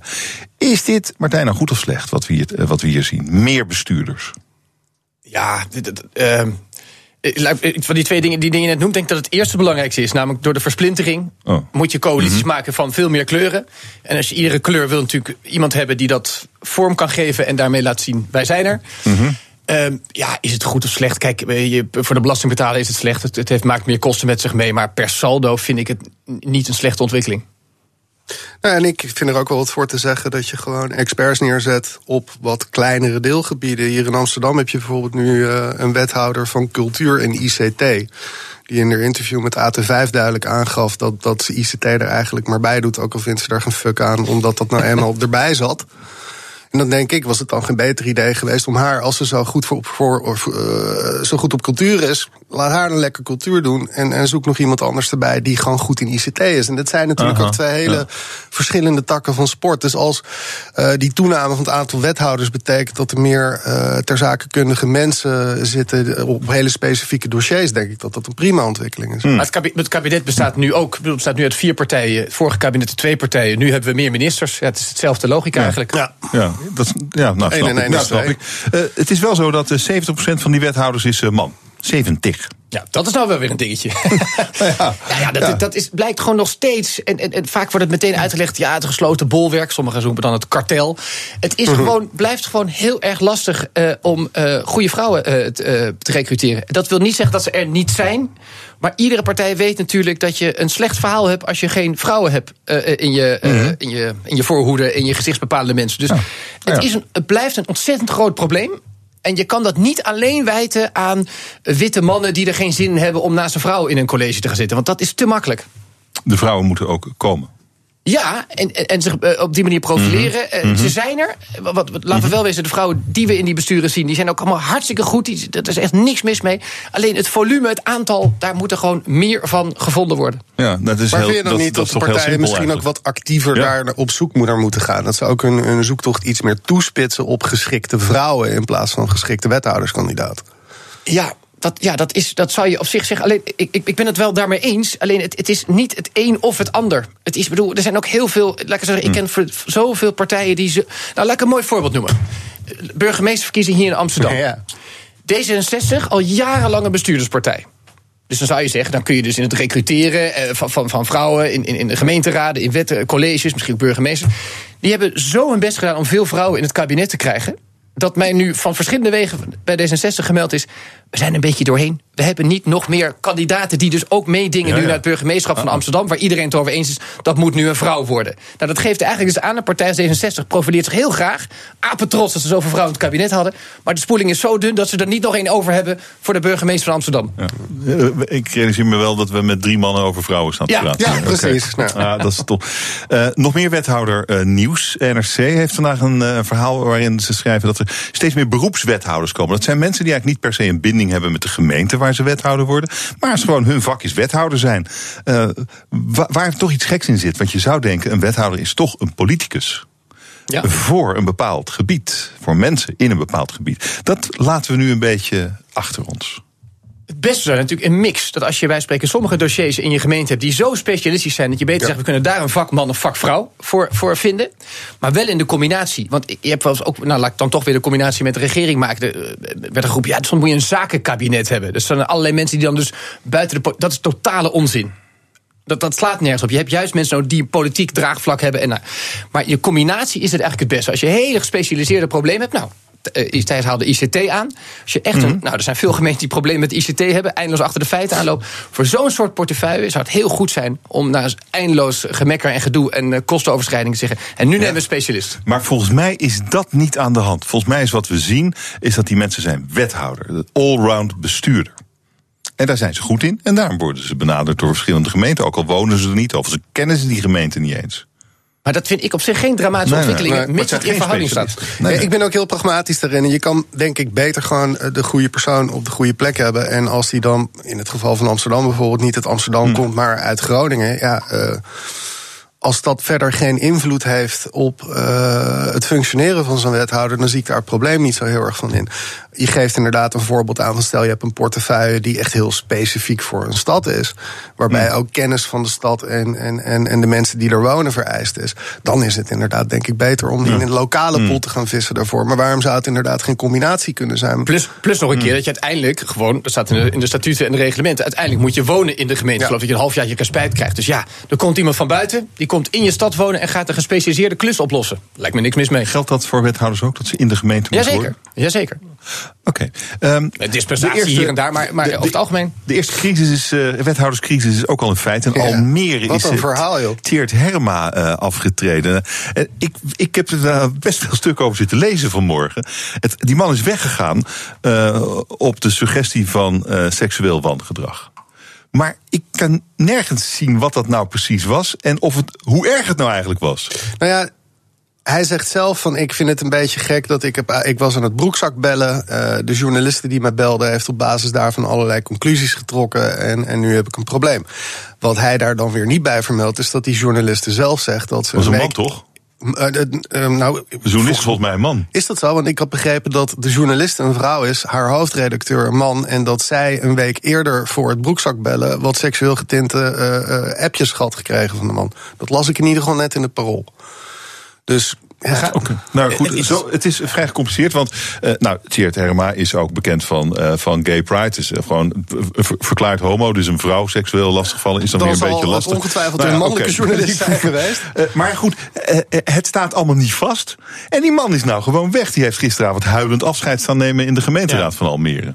Ik vind het een beetje ingewikkeld, want, want deze uh, communicatie heeft dan ook nog plaats van deze broekzakbelletje vanaf de wc. Ja. En dan gaat het dus of je bepaalde geluiden op de wc zou kunnen verwarren met, nou ja, vul de rest maar in. Ik geloof dat we hierbij kunnen. Ik vind een, vind een, een vervelende, uh, nou ja, wat, wat. Waarom, waarom gaat hij weg voordat we precies weten wat er aan de hand is? Nou ja, ik moet je eerlijk zeggen, dat vind ik eigenlijk ook wel ingewikkeld. Kijk, of je zegt eigenlijk, je bent wel in een grijs gebied gekomen waarvan je Kijk, als je echt zegt, het is een broekzakbelletje... even voor de helderheid voor de mensen denken, wat is dat ook weer? Dat is, betekent dat je ja, iemand belt. Dat weten we toch. Ja, ja ik voor de zekerheid okay. ik bedoel, het is of het een of het ander. Of je zit op de wc, wat al heel ongemakkelijk is... dat iemand daar bepaalde geluiden dan door de telefoon opvangt. Of je, bent, je zoekt de wc op om iemand bepaalde boodschappen te geven. Maar als je hierop aftreedt... Er was ook nog een sms'je met een, een, een, een, soort van tekst... die misschien als seksueel getint zou kunnen worden verstaan... waarvan hij zegt, ja, nee, dat was gewoon een, een typo. En, uh, ja, ja, maar ik moet wel zeggen... Dit, Kijk, het probleem is, als je hierop zegt, uiteindelijk je treedt hierop af... dan weet je wel dat deze kras de rest van je leven... Mm -hmm. Dat Ja. is niet een krasje dat weer nee, weggaat. Nee, nou ja, oké. Tjeerd eh, Herma. Ex-wethouder. Eh, over- we blijven een beetje in het gemeentebestuur, want eh in bij jouw Ik ben krant, echt zo'n Thijs- fan van lokaal nieuws. Ja, lachen joh, als buitenlandredacteur. Super. Maar eh, naar jouw krant eh, was informatie gelekt over de, eh, de vertrouwenscommissie voor de bu- burgemeestersbenoeming in Amsterdam. Eh, en die gaat het Openbaar Ministerie eh, onderzoeken. Is het Openbaar Ministerie al aan het onderzoeken? Jullie zijn dus onderwerp van een strafrechtelijk onderzoek op We, dit we moment. hebben er intern in ieder geval niks over meegedeeld gekregen. Of, of er een onderzoek loopt en eh, of daar dingen mee worden gedaan. Ehm, wat mij wel opvalt, zeker als je het ook eh, eh, met de situatie in Tilburg in het achterhoofd neemt, dat het Openbaar Ministerie dit echt een soort halsmisdaad lijkt te vinden. En dat is wel iets wat ik erg opmerkelijk vind, om dat even in herinnering te brengen. Eh, ook over de burgemeestersbenoeming in Tilburg is er het een en ander gelekt. Het OM is daarvoor zelfs journalisten gaan afluisteren. Nou ja, dat is natuurlijk duizend stappen te ver. En ik kan me voorstellen dat het is inderdaad vervelend dat er zoiets uitlekt. Maar om daar zoveel energie en manuren in te steken. Het gaat meer om een signaalfunctie. Kijk, wat, dit gaat dus over dat de Telegraaf heeft al een tijd geleden gemeld dat ze op de procedure, dus dat de, de vertrouwenscommissie krijgt dan een sms'je. Geen digitale informatie, maar een sms'je. Dan moest ze naar een locatie komen. Nou, zo. Dus simpel gezegd zit er helemaal geen gevoelige. eh, Eigenlijk niet. Helemaal niet.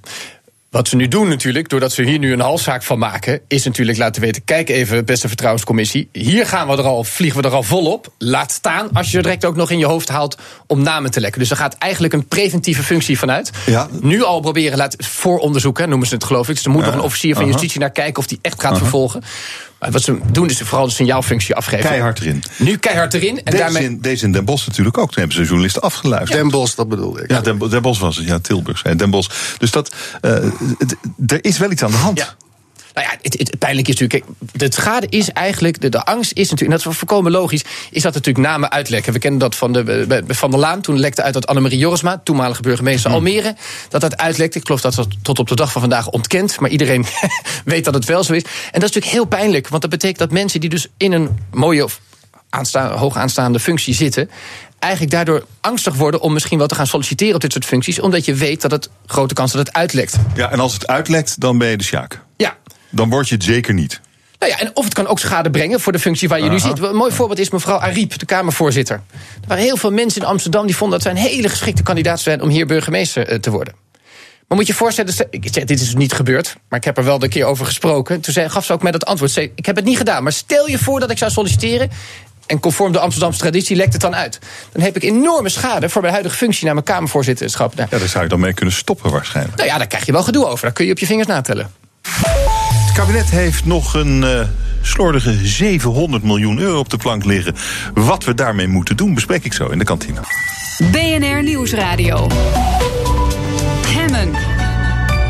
Je luistert naar de kantine. We hebben het over het nieuws van de dag. En dat gaan ze zo meteen ook doen in Ask Me Anything. Thomas van Groningen is de presentator vandaag. Waar ga je het over hebben? We gaan het hebben over klimaatpsychologie. Het heeft te maken met verontrustend nieuws deze week over het klimaat. Er lag nog nooit zo weinig ijs op Spitsbergen.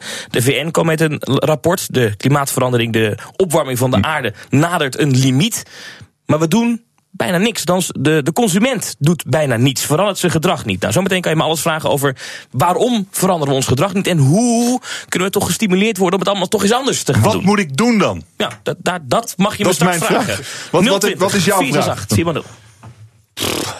En wat is jouw vraag? Wat moet je doen om het klimaat te redden als consument? Ik, ik, ik ben Ja, ik- al, al eh, even zien flexitariër. Ik heb geen auto en ik fiets naar mijn werk. Ehm, Kinderen? Is, is dat al goed? Nee, ook niet. Kinderen, Nou, dat, dat, niet. dat is de grootste Dan gaan we bijdrage. straks En ik heb gras in mijn tuin. Dat schijnt ook heel belangrijk te zijn. Dan gaan we straks een heel graag vragen of dat ook daadwerkelijk Oh, helpt. Of dat het een beetje sier is, dat het nog niet genoeg is. Oké, nog even de telefoonnummers. En de- 020 468 4x0 of Twitter naar @bnr.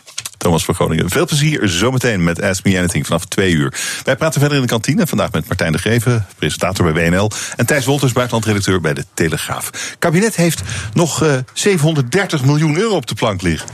Ja. Hoe kan dat nou?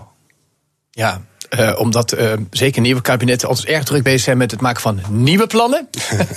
en het nieuwe plannen maken en die presenteren is een stuk interessanter en leuker is dan Oh ja. het oude plan goed laten eh, slagen. Of in ieder geval tot een goed einde brengen. Maar is dit geld is het over, eh, die 730 miljoen? Weet je dat, Martijn? Of Nou, is is het niet over. Het heeft dus ook al lang in de begrotingen gestaan. En en het pijnlijke is nu. Je kan het eigenlijk terugbrengen als je het helemaal weer naar het lokaal niveau brengt. Je hebt dus ook wel eens dat, dat de, de, de, de wethouder ruimtelijke ordening. Die komt erachter dat hij nog een paar miljoen. Die had hij al gereserveerd. Die had hij al toebedeeld gekregen. En dan moet hij heel snel, vlak voor het einde van het kalenderjaar. een rotonde aanleggen. Want anders moet hij namelijk het geld teruggeven aan de wethouder Financiën. Nou, dat, dat is het in het klein. Wat we nu zien, dat is hetzelfde verhaal, maar dan in het groot. Oké, dus voordat de nieuwe begroting klaar is, moet dit uitgegeven zijn. Ja, dat is wel pijnlijk hoor, dit. Ja, dat is toch gek? Ja, het is echt pijnlijk. En waar wordt het dan aan uitgegeven? Eh, Het grappige is, het- je moet het eigenlijk zien. Het is dus eigenlijk geld wat eh, formeel eigenlijk al uitgegeven is. Als in het is in een onderhandeling op een begroting beland. En die betreffende minister mag ermee aan de slag. Maar, hij iemand- komt er alleen achter dat hij nu met het einde van het boekjaar in zicht. Allemaal geld over heeft. en dat er onvoldoende plannen zijn om dat geld uit te geven. Ja, dat is eigenlijk. Ja, maar dan moet dit geld moet dus terug naar de minister van Financiën. Nou, dat is nu de stok achter de deur. Als die plannen dus niet voldoende efficiënt of, of betrouwbaar of geloofwaardig nu gepresenteerd worden aan een team wat eh, Wopke Hoekstra, de minister van Financiën, heeft opgesteld, dan gaat het dus inderdaad terugvallen in de algemene middelen. Nou, dat is wel een welvaartsprobleem puur zang. Ja, dit. maar dan gaan we dus een heleboel dingen niet doen waarvan we dachten dat ze heel belangrijk waren en dat we er 730 miljoen Ja, voor gereserveerd ja, hadden. ja. En weet je toevallig uit je hoofd wat dat voor dingen zijn? Maar het gaat over, over alle terreinen. hè. Het, het zijn echt Ja? eh, van eh, het ministerie van Sociale Zaken tot, tot mensen reïntegreren, eh, banenplannen, noem het dan maar op. Het, het gaat over volgens mij iets van vijf of zes ministeries. En dit is een bekend probleem. Het is ook een heel vervelend iets. Dan moeten ze dus eh, snel plannen maken voor iets waar, waar ze, wat, wat voor hun in de achteruitkijkspiegel Maar zit. inderdaad, als dit nou een algemeen probleem is, Martijn, is het dan gewoon geen beter idee om gewoon regeltjes erover af te spreken van als dit gebeurt, doen we er dat mee? Maar de- in die zin is het ook helemaal niet nieuw. Als je naar de rapporten van de Rekenkamer kijkt. Die hebben al jarenlang worden dit soort rapporten komen eruit. Dus in die zin zien we nu iets wat eigenlijk een repeterend verhaal is. ik, ik, ik ga dit een beetje volgen. 700, het is natuurlijk peanuts op de totale begroting, maar 730 miljoen. Duitsland eh, wil ik het ook over hebben. Want eh bondskanselier Angela Merkel zit toch weer in de problemen. Er is in haar coalitie een groot oneenigheidje ontstaan over het vluchtelingenbeleid. Kabinetscrisis schijnt op de loer te liggen. Hoe zit dit thuis? Ehm, de CDU van Angela Merkel eh, werkt al decennia samen met de CSU. Dat is zeg maar hun zusterpartij in de deelstaat Beieren in het zuiden van Duitsland. Ehm, sinds het nieuwe kabinet is de voormalige chef van de CSU, meneer Seehofer, eh, de minister van Binnenlandse Zaken van Merkel geworden. Meneer Seehofer staat bekend als, als een iets conservatiever, iets rechtser eh, politicus dan Merkel dat is. Ehm, sowieso is de CSU een stuk meer eh, richting de rechterkant van het politieke spectrum dan de CDU dat is. En er is nu al een tijdje een soort machtsstrijd gaande binnen die twee kampen, tussen die twee kampen. Eh, het komt erop neer vooral dat Seehofer, eh, die wil zich aan eh, de Dublin-regel gaan houden. Als er een migrant het land binnenkomt, dan moet hij terug naar het land waar die Europa is binnengekomen. Ja, En, Griekenland of Italië, of, dat is dan wat erachter zit natuurlijk. Terwijl Merkel zegt, we moeten die welkomstcultuur eh, moeten we volhouden, daar sta ik voor. En nou ja, dat zorgt dus voor een, een, een soort burgeroorlog binnen die christendemocratische partijen. En eh, Duitsland, eh, die- volgt al, eh, het land volgt dat met dichtgeknepen billen. Vanochtend was er een satirisch tijdschrift, Titanic, dat een geintje had verstuurd dat het kabinet was gevallen. Dan zie je dus meteen de koers van de dollar en de euro reageren, omdat sommige mensen dachten dat het echt was. Dus dat is ook wel echt een, een heftige situatie. Wat, wat zit hieronder? Zit hieronder dat eh, toch dat hele grote experiment met die welkomenscultuur... dat dat toch gewoon een beetje mislukt is? Dat ze nu hebben een miljoen of meer eh, vluchtelingen hebben Dat in Duitsland zeker opgenomen? mee. Wat je echter ook in je achterhoofd moet houden, is dat er in oktober, zeg ik uit mijn hoofd, in ieder geval in het najaar deelstaatsverkiezingen zijn in Beieren. En dat de CSU daar eh, de hete Hmm. adem van de alternatieve voor Duitsland in de nek voelt. Eh, dus je ziet hier in wezen ook wel wat, wat we hier vorig jaar een beetje bij de parlementsverkiezingen hebben gezien. Dat je, dat je eh, in aanloop naar de campagne, dus nu in dit geval, wat politici naar rechts ziet schuiven. Om te kijken van. Nou ja, in, in het geval van Duitsland is het de AFD, in het geval van Nederland zijn het de PVV en de is het, is het alleen een, Thijs, een politiek dingetje... of zit hier ook gewoon een groot gevoel van onbehagen... onder de, eh, de Duitse bevolking achter? Nou ja, kijk, het gaat natuurlijk puur om die partijen. Want dat is wat er aan de hand is. Maar binnen die partijen bestaat er natuurlijk ook steeds meer twijfel. En, en er zijn eh, eh, opkomende politici binnen de CDU. eh, die daar nu gebruik van maken en rechts aan het voorsorteren zijn, om het zo maar te zeggen. Want ook binnen de CDU is niemand, is niet iedereen meer even blij met die welkomstcultuur van Merkel. Je zou waarschijnlijk denken zien dat je. Hè, we hebben nu dat eh, het, het tekenende verhaal met die boot Aquarius. 600 vluchtelingen. Die werden bij Italië en Sicilië weggestuurd. Italië heeft natuurlijk net een nieuwe regering. Oostenrijk heeft een flinke ruk naar rechts gemaakt. En wat je eigenlijk, denk ik, gaat zien. is. We hebben nu die, die, die spanning in het eh, Duitse kabinet. Maar ik denk dat, die, dat dat type crisis gaat uitwaaien over de rest van, van Europa. Want dat onbehagen zit veel dieper, niet alleen in Duitsland. En waar we natuurlijk mee te maken hebben, is eigenlijk natuurlijk de eindigheid van de Turkije-deal. Er moet, en dat weet eigenlijk bijna iedereen, er moet gewoon een tweede Turkije-deal komen. Die gaat misschien ook wel zonder niet Turkije-deal heet of iets anders. En eigenlijk, gek genoeg, is daar ook een bepaald type crisis voor nodig. Dus als die spanning maar hoog genoeg oploopt, hebben we ook bij die vorige deal gezien, die kwam. Die kwam out of the blue. In één keer, hè, Diederik Samson was er dan mee bemoeid, kwam die deal. En dat kwam omdat die crisis eigenlijk zo naar zijn hoogtepunt ging, dat er geen alternatief op een gegeven moment meer was. En ik denk dat je eigenlijk dat nu verder gaat zien. Dus dat je in, eh, Europa steeds meer, eh, zo kan het niet langer, achtig sentiment krijgt. En dan moeten we uiteindelijk regeringsleiders, al dan niet dus, ja, die komen geen bij elkaar. En die zeggen allemaal tegen ja jongens, in mijn eigen land is dit nou- nauwelijks nog te verkopen. Ik heb meer nodig. We moeten nu naar een nieuwe deal toe. Dus ik denk dat we dit kalenderjaar, hoogstens misschien begin volgend jaar, maar ik vermoed toch dit kalenderjaar gaan zien dat er eh, de Europese eh, leiders onder nog meer druk, onder nog meer dreigende crisis, eh, opnieuw bij elkaar gaan komen en dat we naar een nieuwe migratiedeal toe gaan. Ja. Er kwamen deze week berichten van het Nederlandse ministerie van Buitenlandse Zaken dat ze dat ook willen, zo'n zo'n deal. Maar dat ze geen land kunnen vinden dat bereid is om daaraan mee te doen. Ja, maar dat was wel even, meneer Harbers was dat, en dat ging voornamelijk over de Nederlandse situatie. Hè? Dus ik heb het nu over dat de regeringsleiders, dat je met elkaar zegt, wij als. EU gaan deze afspraak maken. Dit was voornamelijk voor Nederland buitengewoon gunstig als dat zo zou uitpakken. En ik denk nou dat dat type politiek nou weinig zoden eh, aan de dijk gaat zetten. Als het gaat om een echt Europees. Grappig genoeg, ook al euroceptisch je ook bent. Als je ietsje breder kijkt, ietsje verder aan je neus langs, dan begrijp je wel dat dit nou een type problematiek is waarvan je zegt: ja, daar moet je nou als Europa als geheel tot goede afspraken En komen. tegelijkertijd zie je ook de verhoudingen binnen Europa kantelen wat dat betreft. Want eh, er werd net al even meneer Koerts aangehaald, een nieuwe bondskanselier van Oostenrijk. Eh, rechtse meneer, zit zelfs met eh, een voormalige neonazi in het kabinet.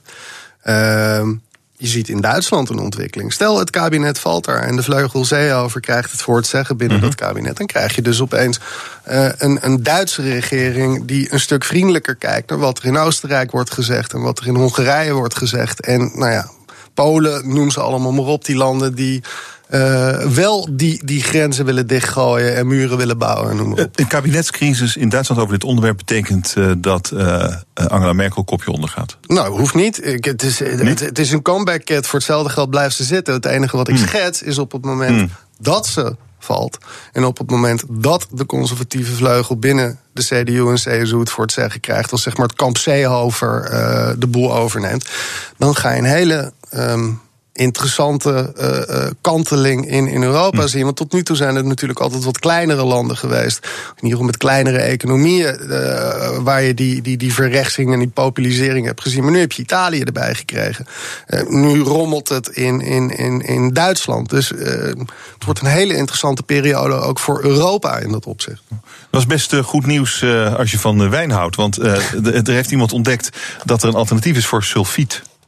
En sulfiet is dat stofje in wijn, en ja, niet al te dure wijn, waar je hoofdpijn van schijnt te krijgen. Het is niet helemaal wetenschappelijk eh, vastgesteld, maar veel mensen hebben daar last van.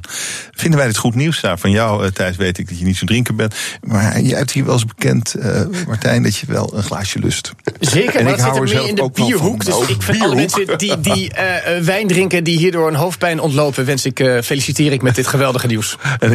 En wens, wens veel bier toe ook. Want dat is het eigenlijk. Nou ja, er is al eh, Stan Beurskens, de Limburgse wijnmaker. Die heeft al 6500 flessen gemaakt met dat nieuwe goedje erin. Ja. Eh, Maar eigenlijk zegt hij hiermee, dit moet je zo snel mogelijk atten en wegwezen ermee. Liefst twee flessen in plaats van één. Dat- je, dat- je dat juicht is wel weer- natuurlijk wel een beetje wel weer- overmatige consumptie met toe. en dat vond ik eigenlijk wel weer een beetje zorgelijk, ja. Want als er geen straf is, Waarom zou je je dan inhouden? Ja, ik ben van de blauwe knoop, hè. Ik moet dit soort argumenten Niet helemaal. Nee, Niet helemaal. het is eh, tijd om de kantine dicht te gooien. Fijn dat jullie er waren. Thijs Wolters, buitenlandredacteur bij de Telegraaf... en Martijn de Greven, presentator bij WNL. Dit was het voor vandaag. Maandag ben ik er weer. Dan is Hamid Karakoes van Platform 31 eh, mijn gast. Ze hebben de colleges van burgemeesters en wethouders... die net gevormd zijn, onder de loep genomen. En maandag presenteren ze de resultaten. Nu Thomas van Groningen met Ask Me Anything. Tot maandag. Fijn weekend.